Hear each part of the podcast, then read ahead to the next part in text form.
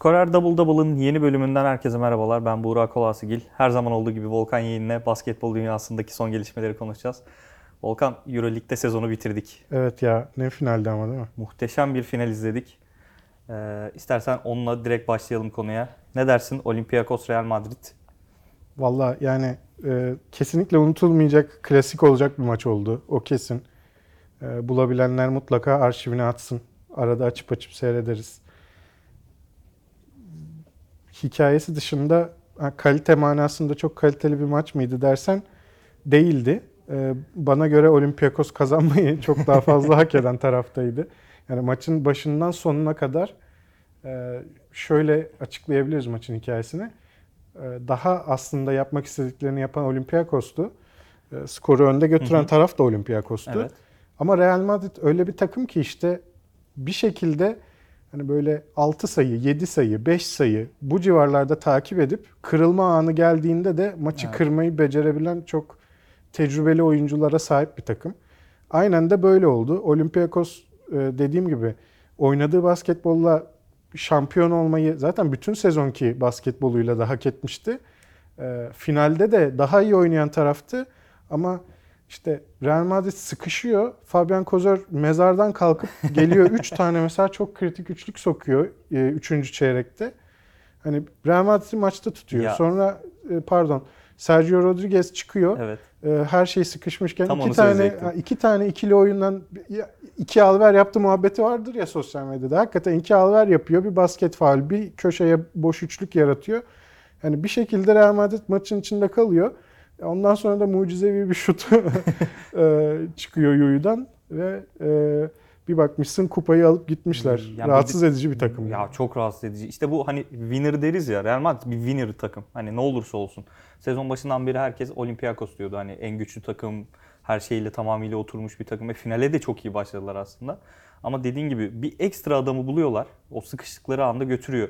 Ya şöyle anlatayım. Ee, belki herkes Sergio Llull'ün son saniyedeki hani son ataktaki şutunu konuşuyor doğru ama ondan önce bence Sergio Rodriguez'in üçlüğü maçı getiren sayıydı aslında. Tabii Öncesinde bir de çok kritik basket faulü var. Ee, Böyle savunmacısını arkasına alıp e, havada bekleyip teması ha, resmen havada teması bekledi. Teması aldı.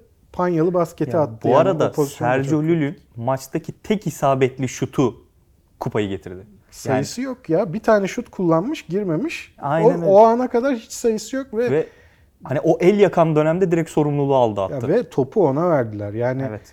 e, bu duyulan güven de çok acayip bir şey. Şimdi Chus Mateo olduğumu düşünüyorum ben. Maçtan sonra Güvenimiz. hakikaten yani kendi kendime tahayyül ettim. Evet Sergio Llull e, Real Madrid'in en büyük efsanelerinden bir tanesi. Yani e, Manresa'dan transfer edilmişti çok genç yaşta. Ama hani e, 2006'dan beri falan zannediyorum Real Madrid'in bir parçası. Yani bu kadar kötü bir maç oynarken sezon boyunca da aslında pek bir şey vermemişken hani Sergio Rodriguez'den mesela vazgeçip o anda topu Sergio Llull'a vermek e, çok büyük bir cesaret örneği. Hem belki kendisi mi talep etti bilmiyorum. E, Orada e, koç olarak bir tercih yaptı ve e, sonucunda da tabii ki top içeri düştüğünde Yani bir şey diyemiyorsunuz. Kazandıktan sonra haklısındır yani onu kimse de Evet tartışmaz. ama bu arada çok kötü bir şut. Evet. Dünya- İdeal bir şut değil. Ya dünya üzerinde Sergio Llull dışında bu kadar yani o şutu dengeli atabilecek başka bir insan evladı yok. Hani Sergio Llull bunları 3 sayı çizgisinin gerisinden de atıyor. Eyvallah Hı hı. biliyoruz senelerdir atıyor ama abi Mustafa Fal'ın üzerinden ve mesafe yaklaştıkça o bombeli atışı atmak daha da zor olur. İlginç bir şekilde. Mesafe varsa ayarlamak biraz daha kolaydır. Abi çok uzun bir oyuncunun üstünden çok bombeli. Yani bir santim yana gitse çembere çarpıp dışarı sekecek yani yüzde yüz. Tam göbeğine atmanız lazım. Tam göbeğine attı adam. Gerçekten öyle oldu. Yalnız bir, bir konuya değineyim. Ee, Olympiakos'la Real Madrid playoff'ta iki tane olaylı e, hani olaylı bir şekilde Final Four'a kalan iki takım. Evet.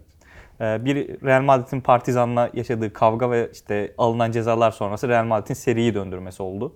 Olympiakos'un işte hakem hatalarıyla Fenerbahçe'yi yenmesi oldu. İkisi finale çıktı. Açıkça ben söyledim ben Olympiakos'un kazanmasını istemiyordum diye. Evet sen kin, kin- kindar bir bakış Ee, açısı Fenerbahçe'ye yapılanlardan sonra. Ee, ama Real Madrid de aynı şekilde yine Partizan'ın e, aldığı cezalar aslında Partizan'a çok ağır geldi. Partizan o seriyi çok rahat kazanabilirdi bence. Ee, o kavga olayından sonra en büyük yarayı Partizan aldı ve Real Madrid çıktı. Tabii ki ben haksız bir şampiyonluk demiyorum ama hikaye bazında bakılırsa Kesin. Sana çok katılıyorum. Real Madrid'in playoff'ta elenmesi gerekiyordu bu arada. bence Yani de ben öyle düşünüyorum. Eurolig'in verdiği cezalar bana çok skandal geliyor. Çünkü daha büyük hasarı Partizan'a verdiniz günün sonunda. Evet, Gershon Yabusele belki Real Madrid'in ilk 5 oyuncusu ama Real Madrid onu kompanse edebilecek kadro derinliğine sahip. Yani Partizan'ı olayı- biçtiler yani. Olayı çıkartan Sergio Yuy'un maç cezası almaması mesela ilk Oo. skandal. Yabusele'nin çok az maç ceza alması ikinci skandal. Ya bu seleyi iyi ki yaptın dediler ya. Yani Real Madrid'den başka kimsenin maç cezası almaması çok büyük bir aptallık. Bana kalırsa Euroleague cephesinde. İkincisi de Partizan'da kendini savunmak durumunda kalan oyunculara hani Kevin Panther'a iki maç, e, Matyas sonra bir maç ceza veriyorsun ki Partizan'ın bu oyuncuları ikame etmesi mümkün değil. İki tane kilit adamı aldı. İki tane kilit oyuncuyu aldın. Yani Şus Mateo'ya sorsan e, kral serinin kalanında iki oyuncuyu oynatmayacağız. Sen kimleri oynatmak istemezsin rakipten diye bu ikisini seçerdin. Kesinlikle. Orada büyük bir haksızlık vardı bence. Ben o yüzden Real Madrid'in şampiyon olmasını hiç istemiyordum ama maalesef ben- Sergio Yu'yu aldı şampiyon. Açıkçası e, ikisine de sıcak bakmıyordum ama finale çıktılar. E, Ayrıca Olympiakos'un kaybetme biçimi e, hani biraz ilahi adalet oldu diyeceğim. Çok evet kalp kırıcı oldu. Çünkü Fenerbahçe maçındaki o hatırlarsın. Fenerbahçe'yi Sulukas'ın son saniye basketiyle yendikleri maçın çok benzer pozisyonları yaşandı. Lül'ün sayısından önce ufak bir steps yaptığı konuşuldu. Evet. Ondan sonra Sulukas aslında son sayıyı Olympiakos kaçırdı. Yine Hı hı. Fenerbahçe maçına benzer bir şekilde. Ve burada Olympiakos aslında bir oyun çizmedi. Topu Sulukas'a verdiler. Ve Sulukas bireysel oyunundan şutu, şut gönderdi, kaçırdı ve Real Madrid maçı Ya kazandı. Aslında bir şey çizmişti. Bart Sokas da çalışmadı tabii rakiple oynadığınız tabii ki. için. Ee, sonra da ikinci opsiyon olarak Sulukas'a verelim. O da bir Yani- şekilde şut aslına gittiler. Çok iyi bir maç çıkaran Vezenkov vardı. 29 sayıyla maçı bitirdi. Keza Isaiah Cannon alev aldı maç Evet, boyunca. mükemmel 6'da 5 oldu. üçlük attı. Yani son topu kime ver deseydim ben koç olsaydım Bartokas yerine Isaiah Cannon. Yani hazırlama hani bir oyun çiz deseydin Isaiah Cannon'a hazırlardım o şutu. ben Vezenkov'a hazırladıkları bir oyun olduğunu düşünüyorum ama dediğim gibi e, çıkmadı pozisyon, veremediler topu. E, onun dışında da bütün sezon kritik anlarda Sulukas'a baktıkları için Ama Sulukas'a yani iyi bir maç çıkartamadı aslında. Yani o beklenen yani evet liderlikteki bir maç çıkarmadı. ya maçın sonunu çok kötü oynadılar Hani, bir kere. evet. Olympiakos'un elindeydi maç Lul yani. dedi ki hani tecrübesiyle maçı kazandırırken diğer tarafta Sulukas onu yapamadı aslında. Evet evet ya işte peşin satan veresiye satan tablosu gibi oldu maçın sonu. hani çünkü bir tarafta Sergio Rodriguez, Sergio Yul gibi iki tane liderlik gösterip kritik anlarda hatta Fabian Kosör gibi üç tane oyuncu çıktı. Kritik anlarda tak tak şutları soktular. Olympiakos tarafında kimse çıkmadı. Herkesin eli ayağı titredi. Zaten Sulukas'ın Fenerbahçe'de de eleştirildiği Evet. noktalardan bir tanesi buydu. Ee, özellikle de e, final oynadığı sene, e, finalde Real Madrid'e kaybettiği sene 2019 muydu o yanlış hatırlamıyorsam. Hani Veseli Sulukas temelli bir Hı hı. takımdı o. Ee, o zaman da Fenerbahçe'de aynı eleştirileri alıyordu. Ee, final maçında da e, öne çıkamadı açıkçası. Tamam arkadaşlar ben bu işi kapatıyorum diyemedi. Ee, biraz daha Isaiah Cannon'a bakabilirlerdi. Yani Cannon'ı son çeyrek çok oturttu Bart Sokaz mesela. Yani. O beni şaşırttı. Hani McKissick, Sulukas beraber devam ettiler. Halbuki Real Madrid 3 garda oynuyordu ve çok daha erken 3 garda dönebilirdi aslında Barsokas. Orada bana göre bir hata yaptı ama çok pardon. Onun dışında e, gene bence Barsokas işini yapmıştı son çeyreğe kadar. Yani e, kadroyu alt alta yazdığınız zaman Olympiakos'un oyuncuları bence çok böyle göz alıcı oyuncular değil. Ama işte doğru doğru bir kimyayla, Hı doğru bir sistemle, bütün oyuncuların inandığı bir koçla işte neler çıkarabildiğinizi görüyorsunuz. Bütün sezonu domine ettiler. Final maçını domine ettiler. Son 5 dakikayı oynayamadılar ve şampiyonluk gitti. O da Real Madrid'in aurası yani. Karşıda başka bir takım olsa büyük ihtimal onu da kaybetmezler. Yani Real Madrid öyle bir hani kültürü var ki karşısında 10 sayı öne geç, 15 sayı öne geç ben bu maçı kazandım diyemezsin. Özellikle bir final maçıysa. Evet. Ki çift tanelere falan gitmedi maç. Yani Yani, bu Hep hani- 6-8 falan Aynen. oralarda dolandı. Tam böyle kırılma anını bekleyen bir Madrid vardı. Son anda da fiş çekti. Aynen öyle. Ee, bakalım seneye umarım burada e, Fenerbahçe ile Anadolu Efes'i konuşuyor oluruz. Umuyorum. Özledik ya biz çok Değil mi? alışmıştık Türk Sürekli takımlarının Final sürekli Four. Final Four'da olmasına. Bu sene garip geldi uzaktan seyretmek. Ee, o zaman Anadolu Efes demişken yine bir e, baş antrenör konusuna değinelim. Değinelim yalnız oraya geçmeden önce bir de şey diyeceğim ya. Fabian Kozor kardeşim ya emekli olacaksan ol. ya gelip Final Four'da şampiyonluk alıp gidiyorsun. Olmaz. Can sıkmaya başladın. Olmaz o kupaları toplayacak. ya bu nasıl bir topçuluk kardeşim ya? Bütün sezon yat yat yat. Final Four gelince "Ha, dur ben şu maçı kazandırayım. Olmaz. Böyle- Bak böyle NBA olmaz oyuncuları ya. gibi düşün. Sadece playofflarda oynuyor. Adama gerçekten Final Four için kontrat veriyorlar ya. Böyle bir şey olur mu? Adam Can kazanıyor. sıkmaya başladı. Evet Anadolu Efes'e geçelim. Ee, Anadolu Efes'te Ergin Ataman sonrası yine iddialar bitmiyor. Ee, daha önce de ismi gündemde olan Xavi Pascal yine ismi geçen isimler arasında. Ee, onun dışında ben söylemiştim daha önceki programımızda. Erdem Can'ın ismi gündeme geldi.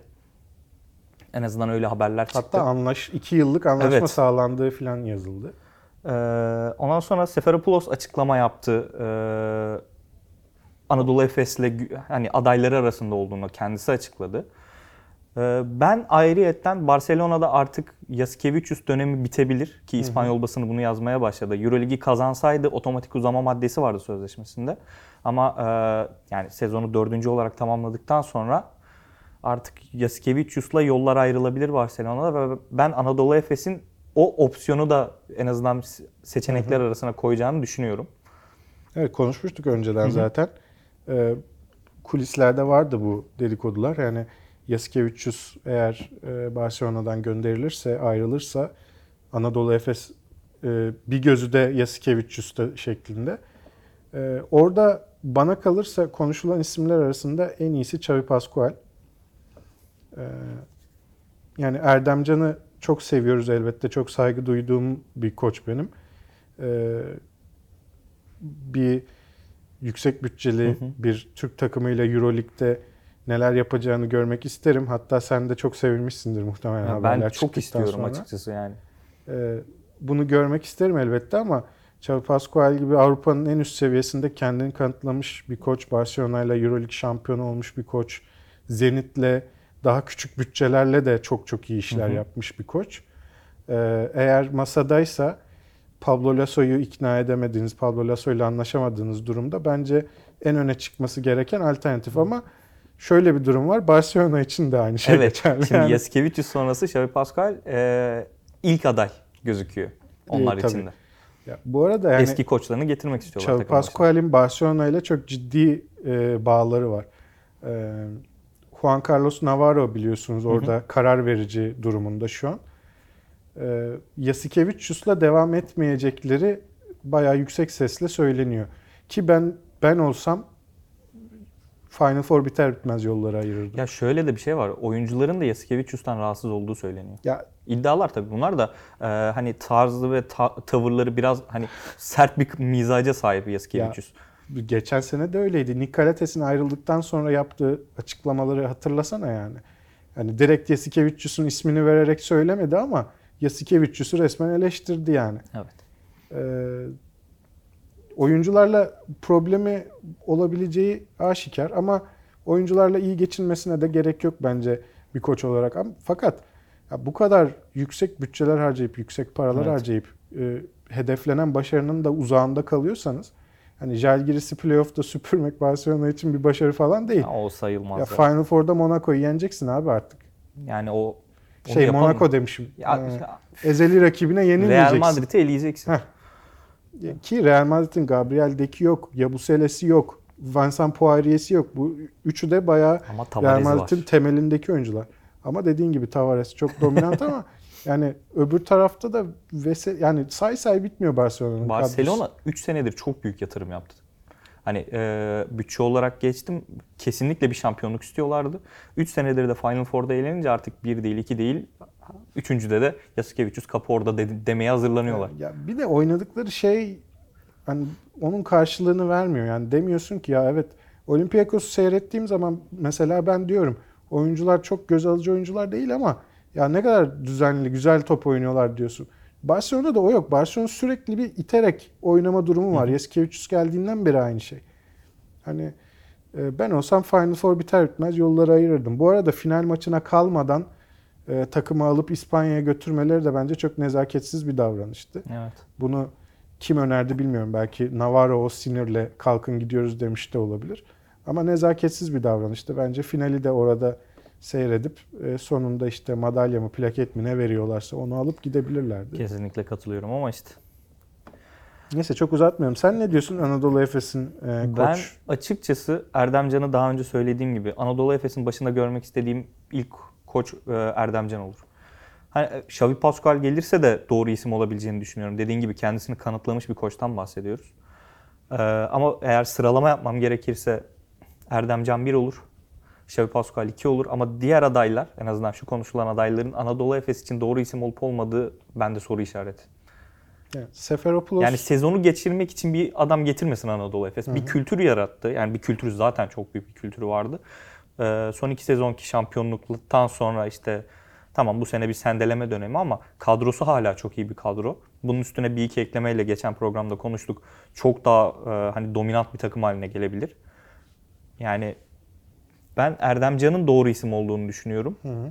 Olmazsa Xavi Pascual evet. Ama Barcelona'da onu kolay kolay bırakmaz eğer Yasikevicius gönderirse. Yani evet Yasikevicius bir şekilde Navarro'yu ve Barcelona yönetimini ikna edip görevde kalırsa ben olsam Erdemcan'dan da önce Xavi Pascual düşünürüm ama e, Xavi Pascual olmuyorsa Erdemcan da bence bu göreve layık.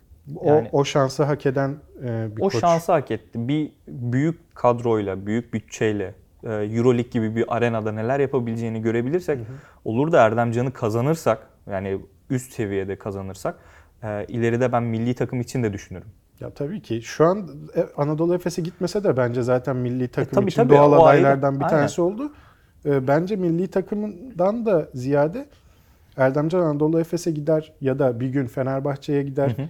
E, X bir takımla Eurolig'e gider. Hani sadece Efes ve Fenerbahçe ile de sınırlamamak lazım.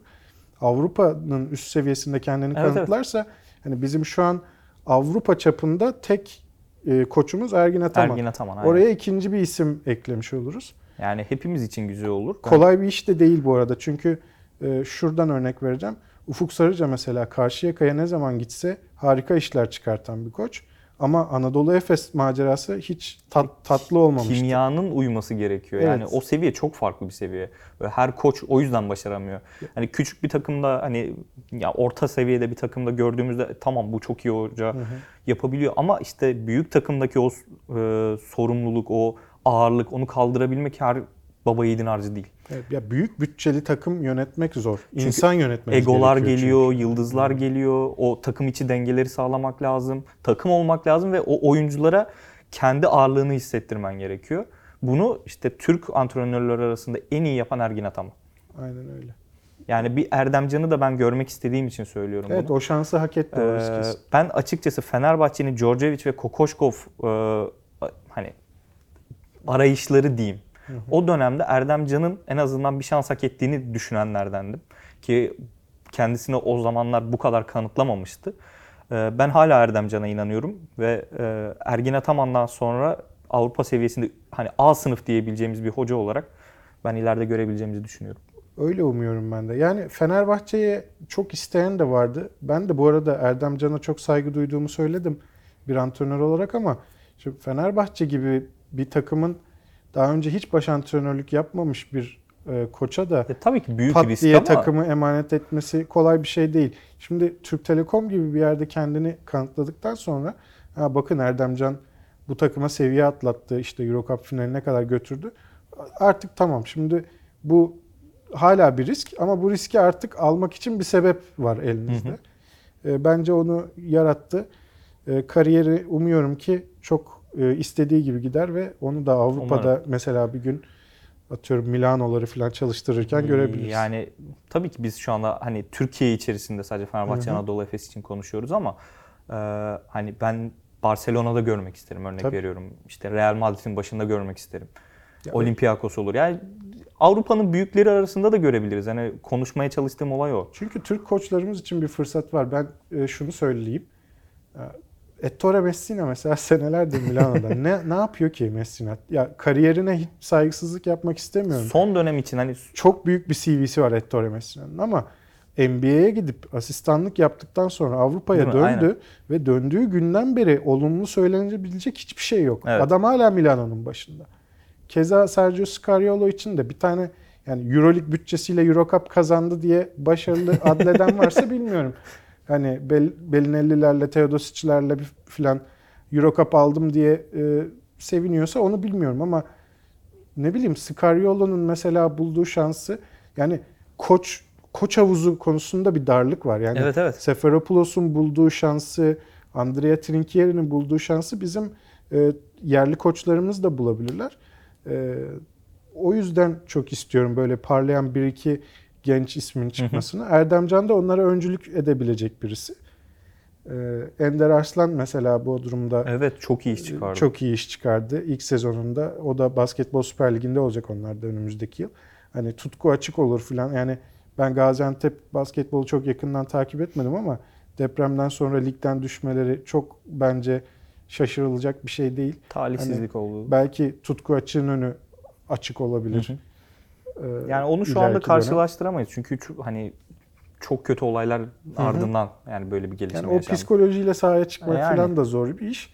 Ama hani mesela genç bir e, yerli koçumuz e, Süper Lig'de görev yapan diye e, söylüyorum. Yani Hı hı. bu e, Ya isimleri çoğaltırız yani. bu isimler gerçekten e, EuroLeague seviyesinde bir şans bulup kendilerini gösterebilirlerse hani Avrupa'nın başka yerlerinde çalışan koçlarımızı da görebiliriz. O da Ya bizi hem- gururlandırır. hem Avrupa'daki koç havuzunu genişletmesi açısından hem de aşağıdan gelen diğer genç e, antrenör adaylarının önünü açması açısından çok büyük fayda sağlar. Dediğin gibi koç havuzu o kadar hani dar ki konuştuğumuz e, isimler hani Anadolu Efes için şu anda bir baş antrenöre ihtiyacı var.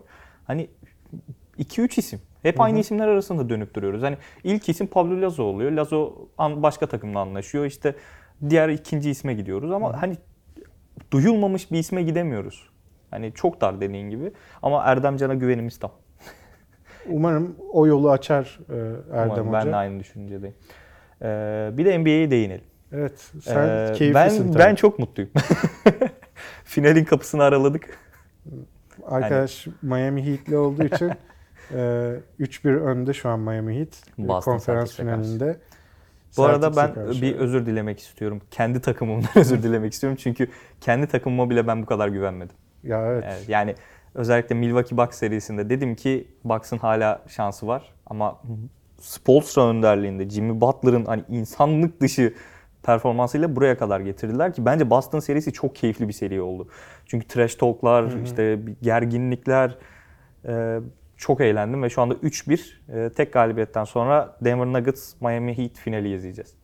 Evet. Yani Boston Celtics'in kadro açısından çok daha kaliteli bir kadro olduğu aşikar ama sahada oynanan basketbolun e, kalitesini koyduğunuz zaman orada iş değişiyor işte. Yani Boston Celtics biraz e, son maçın ikinci yarısına kadar yani Boston'ın kazandığı dördüncü maçın ikinci yarısına kadar e, basketbol kalitesi açısından Miami'nin çok arkasında kaldı Boston Celtics. Yani hücumda hareketlilik çok az. Sürekli zorlama atışlara kalıyorlar. Miami'nin savunmasını da burada övmek lazım elbette. E, ama hani Jalen Brown'un psikolojisi bozuk gibi serbest atışları bile zor değdiriyor çembere.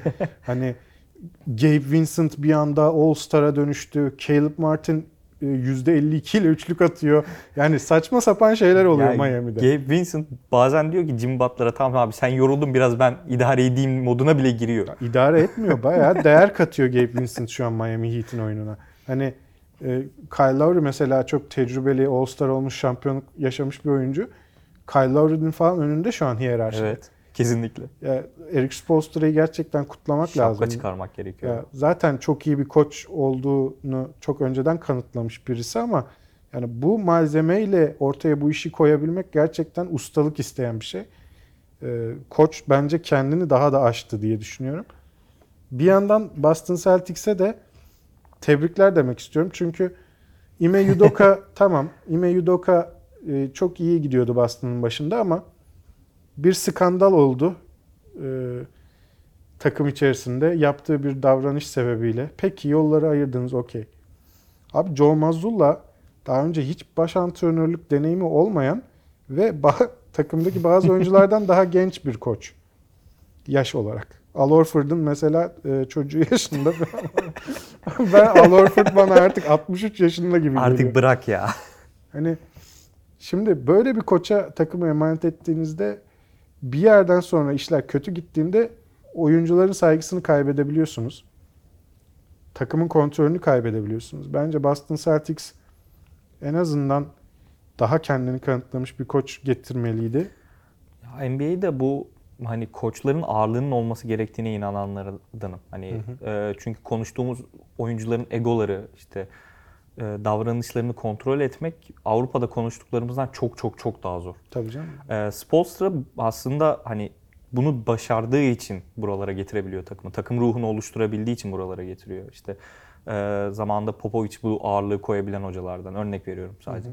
E, ama işte dediğin gibi böyle hani çocuğu yaşında bir koçu getirince Boston Celtics e, o sinerjiyi yakalayamıyorsun. Her ne kadar takımın çok kaliteli olsun, hani kağıt üstünde Miami Heat'i süpürebilecek bir kadron olsun. Ama basketbol sahada oynanıyor. Bir de şöyle bir şey var. Yardım asistanlarından biriydi Joe Mazzulla, Ime Udoka'nın geçen sene. Şimdi asistan koçlar oyuncularla daha yakın ilişkiler kurarlar. Baş antrenör. Ne de yani. Şimdi geçen sene arkadaşın gibiyken bu adam bir anda patronun oldu. Hani Tatum'la Jalen Brown'la filan kuracağı ilişkide de sıkıntı yani. Hani geçen sene vay my boy falan diye böyle enseye şaplak dolaştığın adamla bu sene o şutu niye o kötü şutu niye atıyorsun? Orada niye köşeyi görmüyorsun? Ya da burada niye agresif olmuyorsun? Dediğin zaman patronluk yapmak gerektiği zaman işte o ilişkiyi kurmak biraz zor olabiliyor. Bence bunun sıkıntılarını yaşıyorlar. Ee, bireysel performans düşüşlerinin yanında. Ee, ama 3-2'ye gelirse seri Her şey yani o zaman yani o 6. maç Miami'deki 6. Yok. maç birazcık e, Miami için zor olabilir. bugüne kadar Miami yani ben dedim ya Hı hı. yani inanmıyordum açıkçası çünkü 8. sıradan girdin playoff'a e, zor hani Doğu'nun lideriyle başladın zaten en zorluk oydu. Hı hı. Aa, Ama işte zorlanmadan Milwaukee'yi geçtin, New York Knicks'i geçtin, Boston'a karşı 3-0 öne geçtin. Bir mağlubiyet şimdi aldın. Ee, hani ben Miami bu finale çıkar ya. Kısa bir öz konuşacağım. Öyle umarım çünkü çok hak ettiler. Çok Yani iyi bir hikaye. Hak edenin geldi. Bir de Batı'da Öbür aslında... tarafı konuşalım. Evet. Ee, hani hep yıllardır şey olur. Böyle sezonu birinci bitirirler ama e, konferans yarı finalinde o birinciler elenir. Yani ondan sonra hayal kırıklığı yaşanır. Ama bu sene Denver Nuggets Batı'yı birinci bitirdi. Yok hiç önderliğinde finale kadar geldi. Ee, konferans finalinde Lakers'ı süpürdü. Süpürgeyi çıkardı. LeBron'a hadi abi dedi gönderdi. Evet. LeBron, Anthony Davis falan. İkisi, yani Anthony Davis hiç yokmuş gibi davranılıyor E, bazen. tabii aynen LeBron'un ağırlığından dolayı da. Ya evet tabii ki LeBron James'in NBA'deki özgür ağırlığı çok büyük ama o takımın başarısını belirleyen oyuncu Anthony Davis aslında. Yani e, kaldı ki LeBron 38 yaşında yanılmıyorsam. Hı hı. O yaşında bir adam konferans finalinin son maçında triple double'a yaklaştı. 40 40, 40 sayı attı. 49-8. Yani e, böyle bir performans bu yaşta inanılmaz oynadı. Ama işte bazen olmayınca da olmuyor. Karşısında da çok inanılmaz oynayan iki tane oyuncu vardı. Jokic ile Jamal Murray olağanüstü seri oynadılar. Yani o ikili muhteşem bir ikili oldular. Hep Big Three diyoruz ama o ikili muhteşem. Evet yani e, hem o ikisi muhteşem oynadılar hem de Denver çok daha iyi bir takım ve Denver basketbol oynayan bir takım. Şimdi e, Lakers koçu Darvin Ham'in şöyle bir şanssızlığı var. Bu Los Angeles Lakers takımı sezon başındaki takımla hiçbir alakası yok. Yani bu takımın LeBron James, Anthony Davis ve Austin Reeves dışında e, oynayan bütün oyuncuları değişti diyebiliriz. İşte Hachimura sonradan geldi. Takasın işte son günlerine doğru geldi bu oyuncular. D'Angelo Russell'lar, Rui Hachimura'lar falan. E, Jared Vanderbilt keza. Yani Ham'in bu oyuncularla bir sezon öncesi kampı yapma şansı olmadı. Ya da sezon boyu antrenman yapma şansı olmadı. Kısa süredir birliktelerdi ve Buna rağmen play-in'den gelen bir takım olarak Batı konferansına gelebilmeleri bence çok büyük iş. Bu, burada Darwin Ham'i kutlamak lazım. Ee, Lakers buraya kadar gelebilir mi deseydik basketbol camiasına. Hani aşırı fanatik LeBroncuları ve Lakers'çıları ge- geride bırakıyorum. Ee, çoğu kişi bu ihtimali görmezdi büyük ihtimal. Yani evet konferans finalini söyleyen çok az olurdu diye düşünüyorum ben de. Keza play-in'den çıkamayacağını da düşünen çok vardı. Evet. Yani ta o zamandan. Hani Minnesota'ya geçebilecekler mi bakalım falan diyen de çok Soru vardı. işareti çok fazla vardı takımda. Evet. e, Denver Nuggets'ın uzun senelerdir aynı sistemi iyileştirerek üzerine sürekli Aynen. her sene bir şey koyarak oynamasına çok saygı duyuyorum. E, burada işte Nikola Jokic'in anlatırken çok basit gözüküyor. Jokic tepeden pas dağıtıyor Değil mi? Yani falan. Hani o topsuz hareketi belli bir ahenk içerisinde yapabilmek, Jamal Murray ile oynanan handoff'larda diğer savunmacıları meşgul edebilmek için mesela öbür tarafta e, Aaron Gordon'ın KCP'ye yaptığı perdeler falan sanki onların hiçbir önemi yokmuş gibi gözüküyor ama şayet Jamal Murray'e ya da Nikola Jokic'e ikili sıkıştırma bu kadar zor geliyorsa işte ters tarafta oynanan hiçbir manası yokmuş gibi görünen oradaki topsuz hareketliliğin e, sayesinde. Çünkü savunduğunuz oyuncu hareket ediyor, bir şey oluyor ve siz o anda onu bırakıp yardıma gidemezsiniz. öyle. Peki sana şu soruyu sorayım. Eğer Miami çıkarsa Denver mı Miami mi? Denver ama ben ne zaman Miami'nin rakibini seçsem Sen Denver'da. şampiyon yapacağım seni. Sen Sen, Miami'yi- rahat ol. ben bir şampiyonluk daha istiyorum. Bir yüzük daha istiyorum bu takıma. Ya Denver'la başa çıkmaları zor gözüküyor ama ortaya koydukları basketbol kalitesi rekabet edebileceğini gösteriyor Miami'nin. Ama oyuncu kalitesi yetecek mi? Bence yetmez diye düşünüyorum. Ha Boston'a da yetmez diye düşünüyordum. Geçiyorlar, geçiyorlar gibi. Ama işte dediğin gibi Denver Nuggets basketbol oynuyor. Ne Evet. oynadığını biliyor. Evet ve uzun yıllardır aynı şeyi oynuyor. Yani onu yani Boston serisi kadar kolay olmaz. Hı hı. Yani e, Jamal Murray bir anda böyle çok büyük bir zihinsel kırılma yaşayıp ya abi hiç şut sokamıyorum falan böyle bir tribe girmezse işi zor olur Miami'nin. Miami'liler Spolstra'ya güvenin. Bir de Bam Adebayo, Nikola Jokic çok ters bir eşleşme. Evet. Ee, Bam Adebayo- Adebayo daha yani küçük kalıyor yok için yanında. Çok özür dilerim. Ee, hafif e, polenler falan uçuşmaya başladığı Bahar için bende de çarptı ya. bahar alerjisi başladı. Ee, Nikola Bam Adebayo e, çok iyi oynuyor. Playoff'larda da performansını yavaş yavaş yükseltti. Yalnız ufak tefek bir pivot. Evet, yani, yani işte Yok hiç gibi iri yarı bir adamın yanında küçük kalıyor. ve çok ustalıkla o vücudu kullanabilen bir adam. Yani kalçasını, belini, o vücut ağırlığını nasıl kullanacağını çok iyi bilen bir adam. Finale çıkarlarsa Jokic'le nasıl eşleşeceklerini de ben çok merak Bence ediyorum. en gü- hani merakla beklenen eşleşme olur oyuncular arasında. Evet. Bir de e, Jimmy Butler, Aaron Gordon da bence çok iyi Yani bir- eşleşme Yine olabilir. trash talklar başlar mı? Şey olur. Ya trash talk'tan ziyade Aaron Gordon'un ben çok konuşacağını zannetmiyorum. Çünkü Jimmy Butler'ı dürttüğünüz zaman pişman Yani edebiliyor. Jim- Jimmy'ye dokunmayın. Evet. Jimmy'ye dokunmayın o kendi kendini imha eder zaten. İkisi de çok temaslı oynamayı seven oyuncular. Aaron Gordon savunma yaparken çok fiziğini kullanmayı seven bir oyuncu. Jimmy Butler hücumda çok temas yaratarak oynamayı seven bir oyuncu. Oradan bence kıvılcımlar çıkan çok güzel bir eşleşme de görebiliriz. O zaman bugünlük bu kadar diyelim. Gelecek bölümde görüşmek üzere. Teşekkürler. Volkan. Teşekkürler. Ağzına sağlık. Bir sonraki programda görüşmek üzere.